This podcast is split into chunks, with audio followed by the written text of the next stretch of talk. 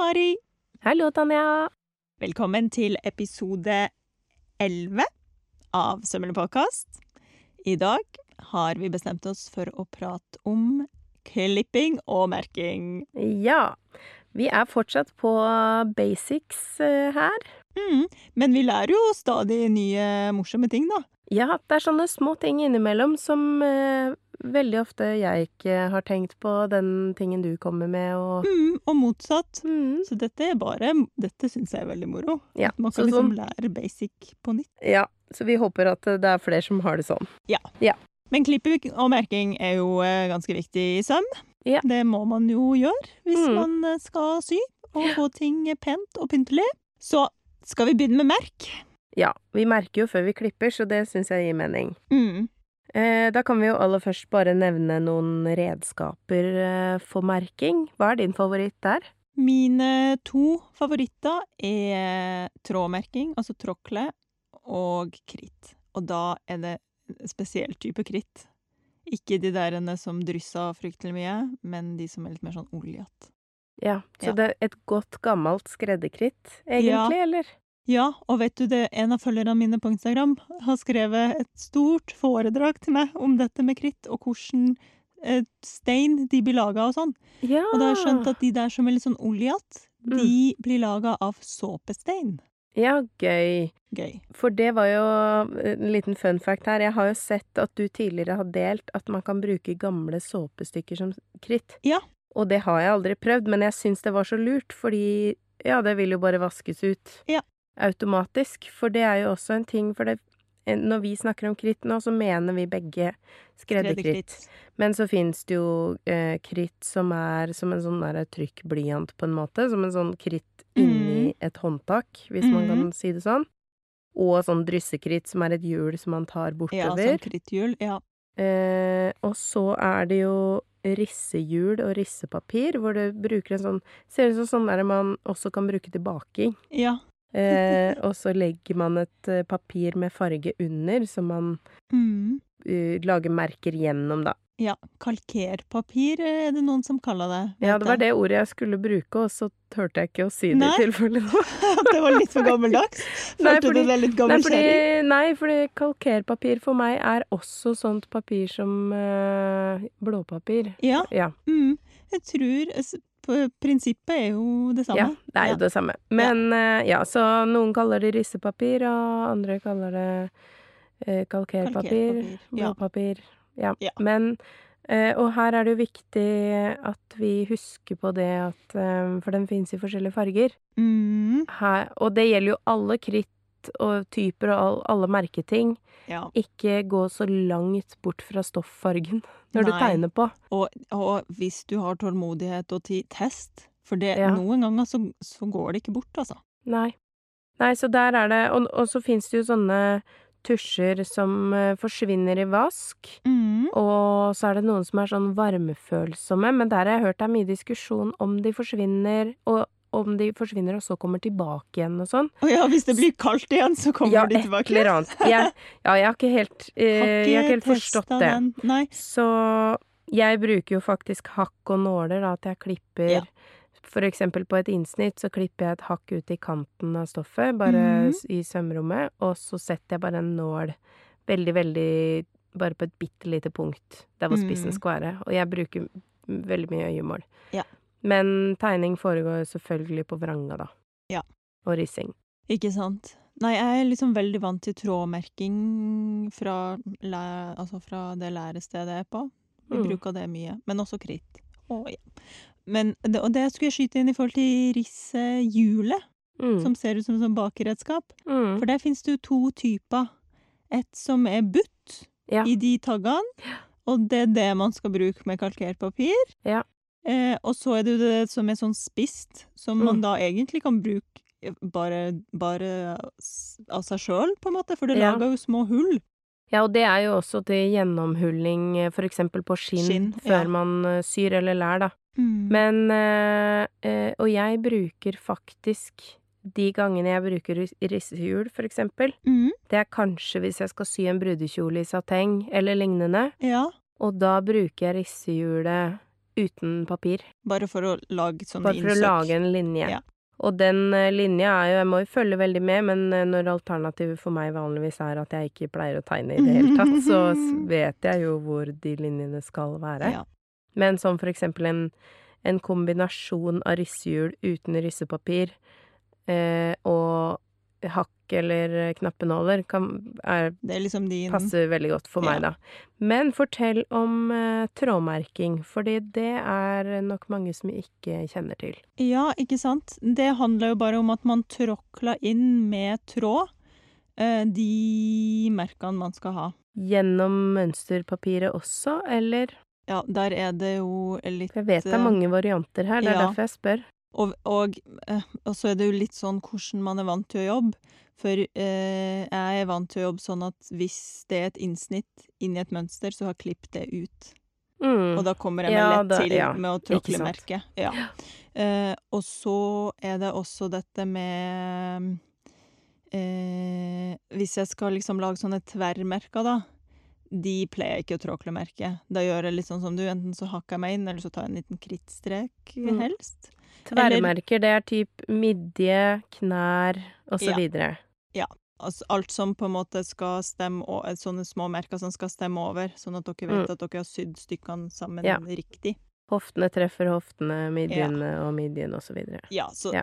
Ikke sant? Det tråklemerker for det meste er sånn hvis jeg skal sette inn et erme og gjøre det på en kunde, og nåle fast et erme på en kunde. Mm. Og hvis jeg, for å da finne den riktige isettingen på bolen, så tråklemerker jeg den linja, for eksempel. Ja, det er litt sånn ulike steder det bruker de ulike. Ja, Men, eh, Tråklemerker du da gjennom eh, begge stoffer, og så klipper du sånn at det blir stående sånne små trådstumper. det kan jeg finne på å gjøre, ja. Ja. Det er jo sånn skreddertriks. Mm. Eh, ja, ikke sant, så hvis man har to mønsterdeler liggende dobbelt, så, så tråkler man gjennom begge, og så åpner man det opp som en sånn Ja, Hvis man man si, ser for seg sånn ostesmørbrød Ja, med smelta ost imellom, og så Ja. drar man det opp, så blir det sånn tråder imellom. Innimellom der, som et uh, skummelt smil eller ostesmørbrød.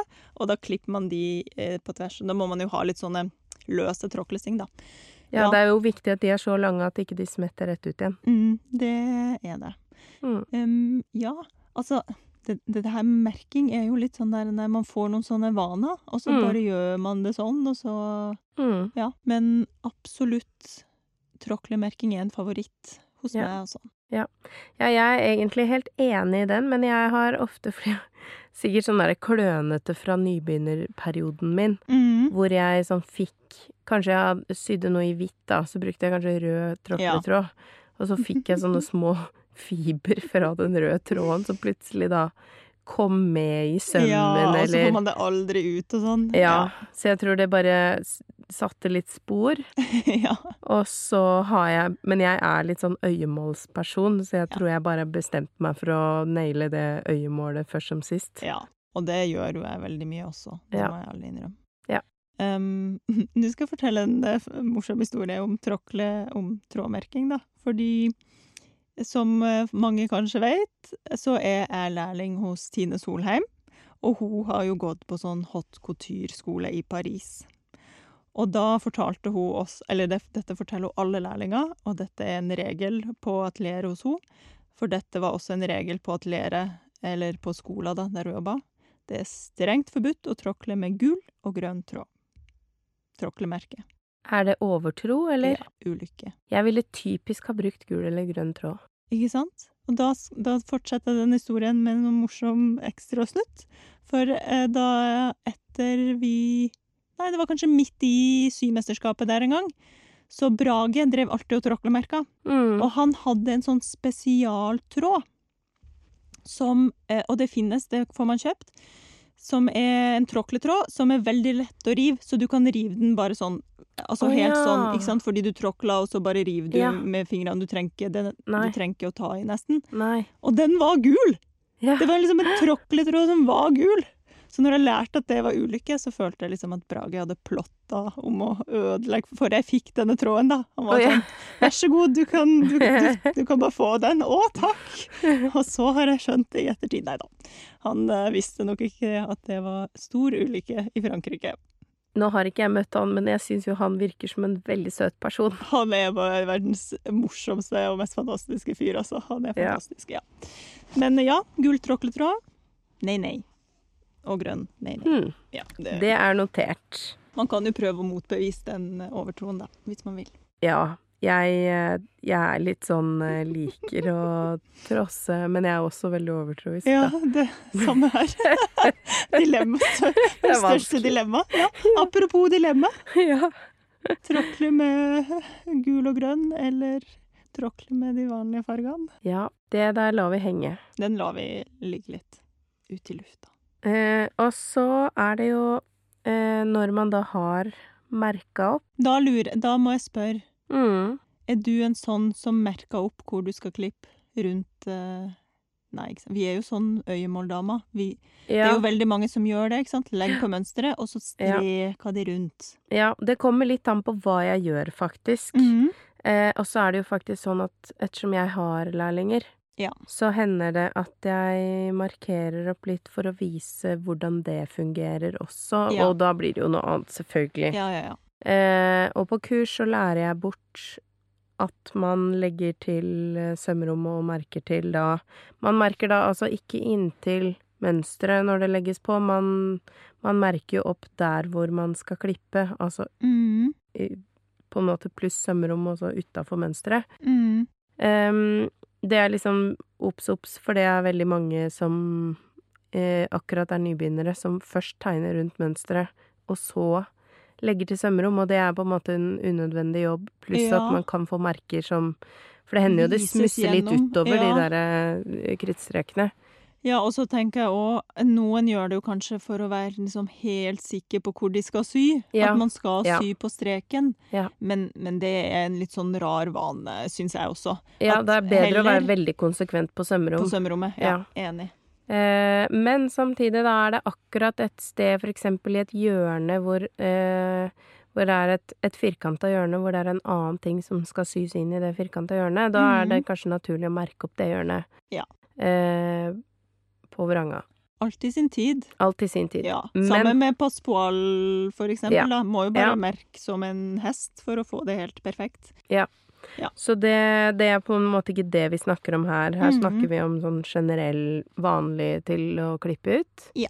Eh, og da pleier jeg, hvis jeg skal være veldig nøye, så holder jeg et sømmometer. Det er altså en liten linjal med på en måte forskjellige sånn ferdig utmålte sømrom, som er vanlig å bruke. Eh, da holder jeg det lille sømmometeret mitt foran saksa mens jeg klipper, Ja. for da kan jeg se. Men jeg har ganske stålkontroll på om det er 12 millimeter, eller om det er ja, hva det, Det nå er Det er, utrolig hvor, eh, hvor godt man kan øve opp et øye, altså. På Ja. sånne ting. Det er ganske gøy. Det vil Ja. jeg jo anbefale at alle prøver. Ja. Og da er sømmometeret også veldig kjekt, for da Mm. kan du liksom, blir du litt i tvil, så bare har du det i handa og sjekker, Mm. og så tar du det bort og prøver det uten på øyemål, og så har du alltid den lille safetyen da, til å sjekke, liksom, her og der. Og som den eh, Ettersom jeg er glad i å gjøre ting eh, på øyemål og ikke, ikke bli så avhengig av utstyr, Mm. så har jeg selvfølgelig målt hvilken finger som er én centimeter, Ja, for eksempel. Eller så jeg vet på en måte at uh, trenger jeg halvannen, kan jeg bruke tommelen, og Ja. trenger jeg én centimeter, så kan jeg bruke den fingeren. Uh, så det anbefales også. Mm. At man kan uh, Man kan finne noen sånne små hemmeligheter. At man vet for eksempel at fra For større mål, da, så har jeg sånn med, ja, med fingrene og med albuene og sånne ting. Ja. Eh, også hvis jeg måler på noe, måler en kropp, så ser jeg liksom Å ja, men du skal ha fra håndleddet til albuen på ja, meg, sånn, på en ja. måte. Mm. Eh, så det er jo sånn Det er et Ja. liten, lite sidespor her, men, det, men eh, man kommer langt med en liten linjal, altså når man klipper eller målbånd eller hva som helst. eller ja, målbånd rundt eh, Eh, nakken. ja. Bare det er jo Men jeg syns eh, det kan være fint å bare holde dem foran og klippe etter, og også kjempebra for å øve opp øyemålet, Mm. fordi det er veldig greit bare først som sist å trene opp, for da går det så innmari mye fortere hvis du ikke er nødt til å tegne opp alle de derre Mm. Ja. små. Men, eh, men ta noen sånne i buer og i hjørner og sånn, da. Ja. Og apropos hjørne, klipper du et skarpt hjørne sånn at det er på en måte en kopi av det samme hjørnet som på mønsteret? Kommer an på Eller klipper du en liten skrå over hvis det er et, en veldig lang spiss? Hvis det er en lang spiss, så klipper jeg en, en butt over. Ja, Ja. samme her. Det er jo ikke noe vits å ha det der lange øret. Nei, det er veldig forvirrende. Ja, det Ja. blir bare tull. Ja. Og så ehm, Og da pleier jeg å klippe det Hvis Si nå at jeg klipper med halvannen sømmene. Når jeg da kommer i toppen, så prøver jeg å klippe halvannen over den spissen, for da husker jeg det. At Mm. Ja. nå er det dette jeg opererer med. Og hvis Ja. jeg blir i tvil når jeg legger de mønsterdelene sammen, så liksom finner jeg OK, der er spissen der sømmen faktisk skal stoppe, og så Mm. Ja. hurra meg rundt videre. Det er akkurat det jeg gjør òg. Ja. Er eh, halvannen di, ditt foretrukne sømrom? Åh, jeg har ikke jeg har, jeg har liksom foretrukne sømrom i foretrukne sømmer, hvis du skjønner? Ja, sånn, Det skjønner jeg. Og, jeg- og så jeg varierer veldig mye sømrom alt etter hvor på plagget jeg er. OK, kom med din eh, okay. standard. Min standard er alltid i halsåpninga og i ermehull og i ermetoppa én centimeter. Mm. Orker ikke å forholde meg til noe mer når jeg må liksom lage belegg eller skal liksom sette inn erma. Det blir for mye med mer enn det. Ja, det har ikke noe hensikt heller. Nei. Og så har jeg det litt sånn alt etter hvem jeg syr til, og om det kanskje må tas ut eller inn, eller er litt usikker. Så begynner moroa. Mm. Men hvis jeg er helt sikker på at mønsteret funka, da tar jeg halvannen overalt ellers. Bortsett fra hvis jeg syr en jakke, da, så kan jeg legge på tre midt bak. Bare fordi jeg syns ryggen på en måte legger, den sømmen midt bak Mm, ryggen legger seg litt sånn penere hvis det er mye sømrom akkurat der. Ja, det er eh, et godt tips for å få Mm. litt stabilitet. Ja, den Mm. ser litt mer sånn bam ut. Ja. Mm. Ja. men hvis jeg skal sy til en kunde og er veldig usikker, da kan det være at jeg legger på to centimeter i skuldra, ikke sant. Plutselig må jeg flytte skuldersømmen, Mm. og så har jeg ikke noe å flytte på hvis jeg bare har halvannen. Så da Mm. syns jeg to er liksom safe.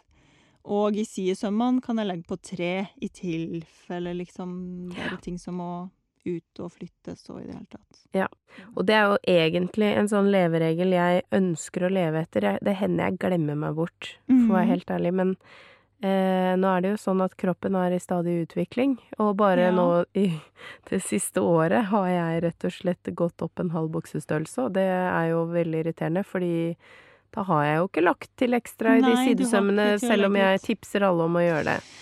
Ja. Så det er jo kjempelurt at man alltid kanskje har dobbelt av det vanlige sømrommet akkurat i Mhm. sidene, hvis det er et plagg hvor det går an å bare slippe ut i sidene. Ja. Veldig ofte gjør det jo det.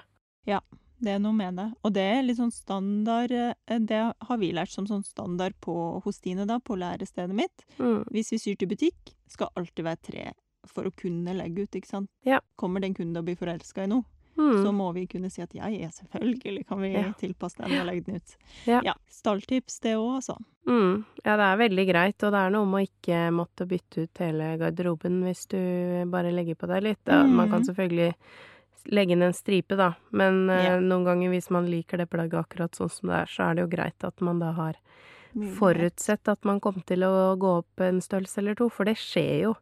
Det er jo livets gang. Sånn er livet. Ja. Det er bare å, å være forberedt på alt. Og jeg er jo veldig opptatt av at det er eh, kroppen som skal få lov til å bestemme, og Ja. ikke klærne.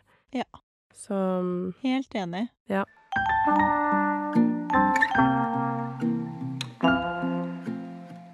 Men du, apropos de her store sømrommene, da. Det kan, noen ganger kan jo det være litt eh, tricky, fordi hvis det er en stor kurve, og at liksom sømmen Ja. ikke legger seg pent, så man må jo alltid ta litt hensyn. Ja. Eh, og det vet jeg veldig mange får helt bakoversveis over når de begynner å jobbe i teater eller på operaen Ja. og må sy kostymer.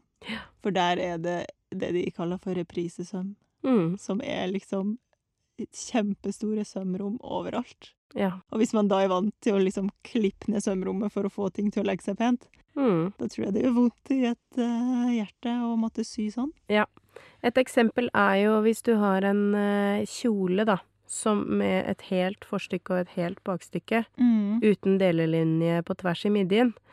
Da er det jo problematisk å ha noe særlig mer enn to centimeter. To centimeter kan jo nesten være vanskelig hvis man har en smal midje. Mm. Så i en eh, kurve, eller en, en knekk på en måte, da, mer som det blir i midjen Ja. på noen, så er det jo vanskelig Ja, å for det gjøre det på den måten. drar sømrommet.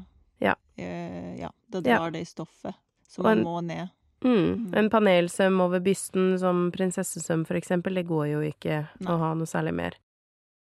Nei, det er helt sant. Mm. Så det, er, alt er jo en vurderingssak. Men Ja. Uh, ja.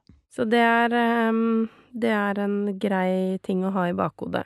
Mm. Men uh, jeg klipper jo nesten alltid én centimeter Overalt. omtrent uansett. Ja. Men det kommer jo an på, fordi nå gjør jeg jo jeg veldig lite kundesøm. Ja, Jeg ikke har sant. eh, egentlig bare Jeg vil at folk skal sy selv, jeg. Mm. Så mm, Og, det er jo, og det er jo for så vidt noe å bite seg merke i når man syr etter mønster. Mm, Eh, at noen mønster kan jo ha sømrommet inkludert allerede. Ja. Og da må man bare passe på Da er det som oftest likt overalt, med Ja. det liksom er presisert, da. Men det må man jo da huske, hvis Ja. man nå vil legge på, eller ja, mm. uansett.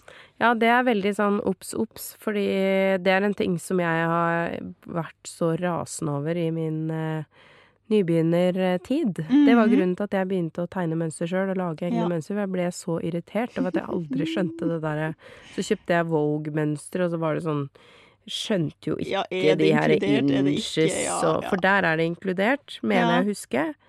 Eh, Men Det det, var ikke noe sånn veldig innlysende mengde for eh, meg som eh, Det var nybegynner. typisk ja, ja. var både nybegynner og norsk, ja. og hadde litt problemer med de tallene som var der. Jeg mener det var Vogue. ja Kanskje for jeg- kanskje de jeg bruker nå. sånn half inch og tre Ja, fjerdedels inch og alt sånt. Ja, Ja, og der er jeg rett og slett eh, litt uintelligent. Jeg har litt problemer med akkurat, ikke sant? akkurat de Jeg har bare tenkt at det er cirka det i centimeter, og så kjører jeg bare på. Ja, jeg fikk veldig mye plagg med rar passform. Passform. Ja. Ja. Ja, for der må man jo faktisk nilese instruksjoner noen ganger. For det er sånn, ja, det er en half inch overalt, bortsett fra der og der og der, der er det ingenting, eller altså sånn, Ja. ja.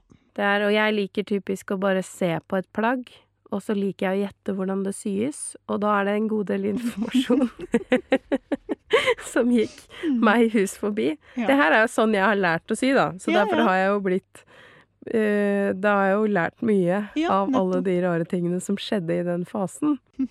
Så det ville jeg ikke vært foruten, men uh, ja, jeg, jeg syns jo det er best med å legge til sømrom selv, da. Selv. Så, Så dine jo mønster er uten sømrom. Ja. Ja. Det kan vi sette en strek under. Og det er jeg veldig fornøyd med. Jeg hater mønster med sømrom. Ja, Det jeg, jeg jeg hater det òg, men jeg vet jo jeg, Det er ikke lenge siden jeg fikk en sånn mail som var sånn Å, det er så irriterende at uh, du ikke har sømrom i mønstrene dine. Hvorfor i all verden har du ikke det? Og da skrev jeg bare sånn Du Beklager, det er veldig synd at jeg, er- at jeg er, veldig, er så plagsomt for deg. Men jeg er norsk, og du er uh, kanadisk, tror jeg hun var, eller Ja. australsk, jeg husker ikke, men i hvert fall ikke det metriske systemet heller, så jeg sa det at jeg Du tror du hadde blitt like irritert hvis jeg hadde lagt til det sømrommet. Ikke sant? Ja. Så det Man kan ikke please alle, da, så jeg eh, Men hun, hun skulle allikevel gjøre jobben. Ja, ikke sant. Ja. Men altså, jeg tenker òg at uh, for folk som har sydd mye, og etter hvert begynner å bli litt sånn at ja, man har noen preferanser da, på hvor mye sømrom man vil ha her og der, Mm. så er det jo så mye bedre at det, man vet det er ikke noe sømrom. Jeg bestemmer sjøl. Ja. Det er jo så mye greiere. Ja. er sånn blankt utgangspunkt, liksom, og så Ja. kjører man på fra der. Ja. Sånn er det i mitt hode òg. Ja. Og um, ja. eh, og når vi snakker om eh, Nå har vi jo snakka i det vide og breie om sømrom, egentlig. Så det er jo greit. Og da er det jo selvfølgelig, selv om nå er det jo klipping vi snakker om her i dag, men da er det jo like viktig at man er, øver opp øyemålet når man syr. Ja. At, for det er jo hele poenget med sømrom. At Ja. man må være like konsekvent når man klipper og når man syr, for da Yes. blir det perfekt. Yes, et godt poeng. Eh, og så er det jo Her er det jo også forskjell på mønstre om de skal klippes eh, i ett lag stoff Ja. eller dobbelt lag stoff. ja. For det er jo Altså, jeg vet at de, jeg tu- de fleste mønstrene fra Stoff og Stil, for eksempel, tror jeg alltid er Dobbe, ja. Ja, at de Altså, ligger er flatt. Stor, ja. Og det blir jeg like fortvila over hver gang. For jeg personlig liker å klippe gjennom dobbelt lag stoff. Hva med deg? Helt enig. Ja. Skjønner ikke poenget. med å klippe på enkelt lag. Så mye større sjanse for at man ikke får det trådrett. Mm. Så mye større sjanse for at det ikke blir Altså, om du nå klipper feil på brett, så er det i hvert fall likt på begge sidene. Ja. Altså sånn eh, det, gir meg Den eneste meninga jeg kan trekke ut av det her, er jo at man kan være litt mer stoffbesparende. Ja. Og da hender det at jeg gjør det, hvis, mm. det er, hvis jeg virkelig må, på en måte. Mm. For det er jo utrolig tilfredsstillende å bare sitte igjen med en sånn liten Liten strimmelstoff, ja. og så har du klart å bruke alt veldig lurt. Ja. Så det liker jeg godt, da. Og så selvfølgelig hvis plagget er asymmetrisk, eller hvis kroppen er asymmetrisk. Da må Ja. man jo ha to deler. Ja, men, og, da, og da har jeg det også litt sånn i forhold til å klippe på brett. Det går jo dobbelt så fort. Mm, det gjør jo det. seg sjøl. Du Ja. klipper jo én gang rundt halve, og så har Ja. du begge halvpartene med en gang. Ja. Eller én del, og så har du begge delene med en gang. Mm, Skjønner ikke. skjønner ikke hvorfor man ikke skal gjøre det sånn. Men ja, og hvis man er asymmetrisk i kroppen, da har jeg sånn eh, tip, det, tips, triks, sånn som jeg gjør det da. At OK, hvis jeg vet at den ene skuldra skal være litt senka da, litt Mm. kortere, så klipper jeg alltid liksom etter den største, Ja. og så renklipper jeg bort det som er liksom Ja, samme her. Ja. Da har jeg en liten beskjed, liksom, på Ja. mønsteret, og så en annen linje under, for eksempel. Mm. Um, og så er det jo um, Altså, vi, vi lærte jo på skolen measure twice, cut, Cut once. Yes. Eh, og det er sånn Det er fin huskeregel at man Men det gjelder jo også litt sånn type med størrelser, da. Man må Ja. liksom ha målt grundig. Men vi er jo på litt sånn grunnarbeidsstadie her, så jeg mm. syns den er fin å ha Ja, mål heller to ganger, og klipp én gang. en gang. Um, og det For du får ikke klippa så veldig mange flere ganger enn det. Altså sånn, Ja. har du klippet for lite, så er det ikke så mange veier tilbake. Da må du skjøte, da. Ja. Eller lage det til en uh, venn. Ja, eller finne på en annen spansk løsning, men Ja. ja. Ja, man kan jo også det, da.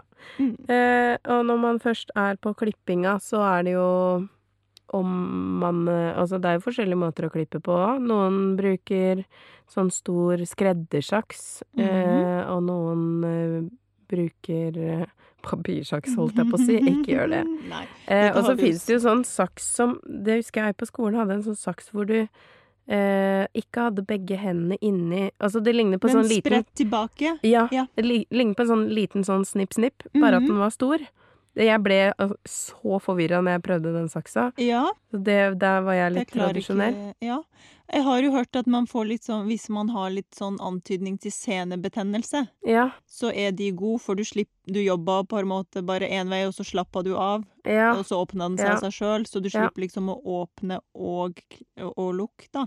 Men er det bra for scenen at man skvetter hver gang den Altså hvis scenen de får karasjokk hver gang den, den klipps, er det kanskje ikke så bra. Jeg ser for meg meg Det- og den teknikken. Det er bare kaos. Nei. Litt er Litt sagt, tror jeg det Ja, der. Men jeg har aldri prøvd å klippe med en stor en. Jeg har den lille, de små Ja. saksene mine må Ja. være sånn. Ja. eller så blir det for mye kapasitet, altså, ja, scenekapasitet som går bort. For jeg må klippe bort alle små tråd hele tida. Og da Ja. er det så greit at den bare spretter opp av seg sjøl. Ja, samme her. Jeg har aldri klart å venne meg til den, men nå skal det sies at jeg har faktisk Jeg mister følelsen i tommelen i perioder, da, så det, jeg har kanskje. nok kanskje, jeg har kanskje klippet litt mye. Ja. Men en sånn stor, det har jeg aldri prøvd. Kanskje det er noe? Jeg vet ikke. Mm. Man blir jo litt sånn vanedyr. Det Ja. er jo det som er. Man blir jo det. Mm. Og så har jo vi sagt i en tidligere episode at vi begge foretrekker saks. Ja. Eh, men veldig mange foretrekker jo også å bruke skjærehjul og brett. Ja. Og da er det jo den ulempen at hvis man ikke har stort skjærebrett, så må man flytte det rundt. Yes. Eh, og eh, så er det jo det der med presisjon i buer og Mhm. hjørner som kan være litt sånn utfordrende. Og jeg føler noen ganger når jeg bruker skjærehjul at jeg må være utrolig nøye i et hjørne for at jeg ikke skal føle at jeg sløser stoff. ja, jeg vet, Fordi for jeg går liksom forbi. en centimeter forbi. Ja. Den følelsen sitter jeg også ofte Ja. med. Og så fins det jo sånn minihjul, da. Men uh, jeg ser for meg at det bladet blir jo sikkert enda fortere sløvt. Jeg vet mm. ikke. Men, eh, men, det, men det er jo også en mulighet som veldig mange liker skjærehjul. Ja. Og sånn litt sånn kjipp-kjapp folk, og syr du masse luer og masse sånn småting, så er jo det Sikkert helt nydelig. Ja. Ja. Eh, og det hender jeg tyr til det, men jeg, ja. Jeg merker at jeg Det Jeg liker det jeg så godt- liker etter. lyden av saksa, og jeg tror det er sånn oppvekstgreie for meg, at jeg har liksom bokstavelig talt sittet som baby på klippebordet til mamma Ja, og vært Hørt sånn den saksa gå. Ja, det er mm. sånn eh, trygg lyd, da. Ja. ja. Nei, vane også. Vane, vane. Det tror jeg Mm. nok. Og for å holde stoffet på plass, eh, det er jo også greit å kanskje ta med når man først snakker om klipping. Klipping. Ja. Jeg bruker sånne gamle lodd fra vekt. Mm. Sånne svarte som er fulgte med sånne kjøpmannsvekter. Ja, så det står sånn to kilo og en kilo Mm. på. Ja, de er veldig fine. Vi har Noen sånne har vi på atelieret. Jeg har også noen eh, hjemmelaga hjemme som jeg har brukt, som, som da eh, veldig mange spør hva er for noe. Og Mm. da forteller jeg den artige historien om at jo, det er min pappa som driver med sånn Han skyter på blink. ofte. Mm. Og da er det jo veldig mye av den der ammunisjonen da, som er bly, Ja, som uh, blir igjen. det er Og jo han er jo blytungt. En, eh, blytungt, og han er en handyman, og han lar ingenting gå til spille. Litt sånn, ja. Mm. Eplet faller ikke langt fra stammen. Så han pleier å samle disse og smelte de om og lage sånne vekter som han har i garasjen. Og der forsyner jeg meg grovt. Ja. Og går og henter De ser ut som sånne hockey-ishockey-pucker, Å, liksom. så gøy! Og det var helt fantastisk. Ja, og da driver jo jeg selvfølgelig og hekler rundt de, da, så de får sånne fine hekler. hekla ja, de- Det må du vise. Ja, det kan jeg vise. Ja. De er veldig søte. Ja. Og da har jeg hatt ei på kurs da, som jeg fortalte den historien til, og hun gikk ut og kjøpte rifleammo, da. Mm. Eh, og de selges jo i sånne runde bokser som er Ja, ja. som en puck. Mm. Så, men det tror Så jeg hun bare bruker den? Ja, hun Ja. bruker de. Og det er jo kanskje ikke veldig billig, det vet jeg ikke. For jeg Nei. får stjele Ja. fra pappa. Det er jo mange som bruker sånne muttere, sånne digre muttere. Ja. Og det er jo kanskje billigere, jeg vet ikke. Vet ikke. Men eh, jeg syns jo også det er koselig med noen steiner, mm. eller eh, bare syltetøyglass som man fyller med et eller annet, eller Man kan Ja, jo bruke hva som helst, Hva i som helst. prinsippet. Men ettersom jeg er en skrotnisse, så s- syns jo jeg sånn Alt som er gammelt, det er fint. Så jeg har, jeg har også noen sånne gamle, skikkelig tunge lysestaker som er Ja. helt flate under, som er fine til det, da. Til det. Ja. ja, det er jo litt uh, viktig at det eh, For meg, da, så er det litt viktig at det ting jeg lett kan få tak på. At det ikke Mm. er helt sånn paddeflatt, og så Ja. driver man og sliter med å få tak i det. Ja, så, det er sant. Sånne, hvis man får tak i sånne kjøpmannsvekter, så er de egentlig helt nydelige. Mm. Jeg hadde en plan før jeg fant de kjøpmannsvektene om å støpe oppi sånn type en gammel rømmeboks, eller jeg vet ikke helt hva, men noe, Ja, noe med sånt. betong. Med betong, ja. Og så bare eh, sette et lite sånn, en sånn knott til skapdører. Ja, oppi. Genialt, Eh, det så jeg for meg hadde vært fint. Ja, Jeg har ikke prøvd det, men jeg mm -hmm. det var en tanke jeg hadde. ikke sant? Eller å bare putte inn en sånn skinnløkke eller noe. Så Mm, man liksom har en Herregud, hva som helst. lurt. Så hvis noen prøver det, så vil vi gjerne se. Herregud, nå må jeg nesten jeg prøve det. Betongvekta. Blir Jeg de litt sånn at det blir litt fint. Kan de bli litt for ru? Nei, de kan kanskje ikke det. Jeg tror at man bare ikke må ha så mye bobler i den eh, røra. Ja. Eh, men også det som jeg har gjort med de ah, mest uh, slitne av de vektene, da. Noen mm. av dem har jeg malt på nytt, eller loddene. Mm. Eh, og så har jeg limt på filt. Da har jeg bare Ja, brukt hobbyfilt og tekstillim. Ja. Som jeg bare limt på under, for at det ikke skal sette noen merker. Ikke så det kan man jo gjøre med disse betongvektene, eller hva, som, Mm. hva man lager. Dypt i maling går jo også an, så blir det helt sånn smooth, kanskje. Ja, kanskje, men da blir jeg litt redd for sånn avfarging, Maling, eller ja. sånn. Sånn som med neglelakk og hvit ja. vegg. For Ja. det er i hvert fall jeg driver mye med. det er sant, det. Herregud, dette, må, dette må spekuleres langt og lenge og prøves. Mm. Og så hender det jo at jeg bruker knappenåler i tillegg til eh, lodd, da. Det kommer jo litt an på, men da setter jeg sånn typisk bare i hjørner.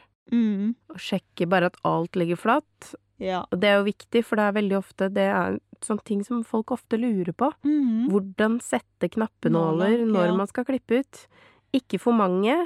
Absolutt ikke for mange. Da Eh, blir det jo bare ja. bølgeboluba. Begynn eh, Jeg begynner gjerne i hver ende av, trådretningspila, bare for å Mhm. sjekke at den er helt flat, og så glatter jeg ut Ja. fra de punktene. Godt Og sper på med noe. Og så har man ikke lodd, da, så, så sett en bunke med bøker et par steder. Mm. Bare legg noe oppå for at ting ikke skal fly rundt. Ja, flytt på seg. Mm. Ja, enig. Og jeg har nok Jeg har det nok litt sånn som deg òg. Jeg liker å bruke minst mulig nåler Mm. og mest mulig lodd. Ja. Blir det jo litt sånn flatest, og jeg føler jeg har mest kontroll på at alt er som det skal. Mm. Ja. Det er vel eh, de tingene vi tenker at er viktige å huske på. Og ja, hvor mye foretrekker du nederst på en oppleggskant, da? La oss si du skal ha vanlig bretta to ganger og rett søm. Det er jo plaggtyper igjen, da. Ja, det er jo noe med det. Og egentlig veldig sjeldent at jeg bretter to ganger, Mm. faktisk. For jeg syns det ofte kan bli litt sånn for tjukt. Mm. Igjen kommer jo an på stoffet. Mm. Ehm, hvis jeg skal liksom velge hvordan jeg legger opp, så legger jeg opp eh, gjerne med en, kanskje en skonering og for hånd, da. Ja, Det kunne jeg gjetta. Eh, hvis det skal være stikning, så liker jeg at det blir ganske smalt. Mm. Så da tror jeg jeg hadde lagt opp eh, altså på en skjorte, da. En halv og Mm. en halv, og så en pen stikning rundt der. Ja. Så da legger du ikke nødvendigvis på så mye ekstra sømrom. Nei. Nei. Ikke nødvendigvis nei. Nei. Men hvis man selvfølgelig syr en jakke og skal ha en opprett, så syns jeg liksom fire er en sånn god, Mm. god uh, høyde på en opprett. Totalt eller bredden? Uh, oi, hva mener du med totalt? Totalt mener du hvor mye ligger inni der? Er bretten Brett fire centimeter? er, er klipp på fire, Ja, og da syr jeg jo kanskje fòret til på én, og så er det liksom Mm, tre, da, tre som igjen. vises. Ja. Det var ja. det jeg skulle frem til. Mm. Mm, ja. Og det her, det er jo en sånn sømrom på sånne ting. Det er en skikkelig smakssak. Smak Så deluxe. alt er lov. Ja. Eh, om du liker å bare ikke ha sømrom i det hele tatt og sette på et skråbånd eh, rundt Mm. kanten, så er det også en, en greie. Absolutt. Så alt eh, kan man gjøre. Ja. Nei, men eh, jeg tenker at vi har fått sagt ganske mye om eh, klipping og merking. Jeg føler, i hvert fall at vi har gått gjennom det meste. Og er det noen der ute som tenker 'hvorfor i all verden har de ikke sagt min favorittmetode'? Så Eller kom med at noen er dypt uenig med noe av det vi, har sagt. Ja, Eller det er lov. Ja. Vi tar som vanlig alltid imot tilbakemelding. Ja, sånn små sultne svamper. Tørre, tørre svamper.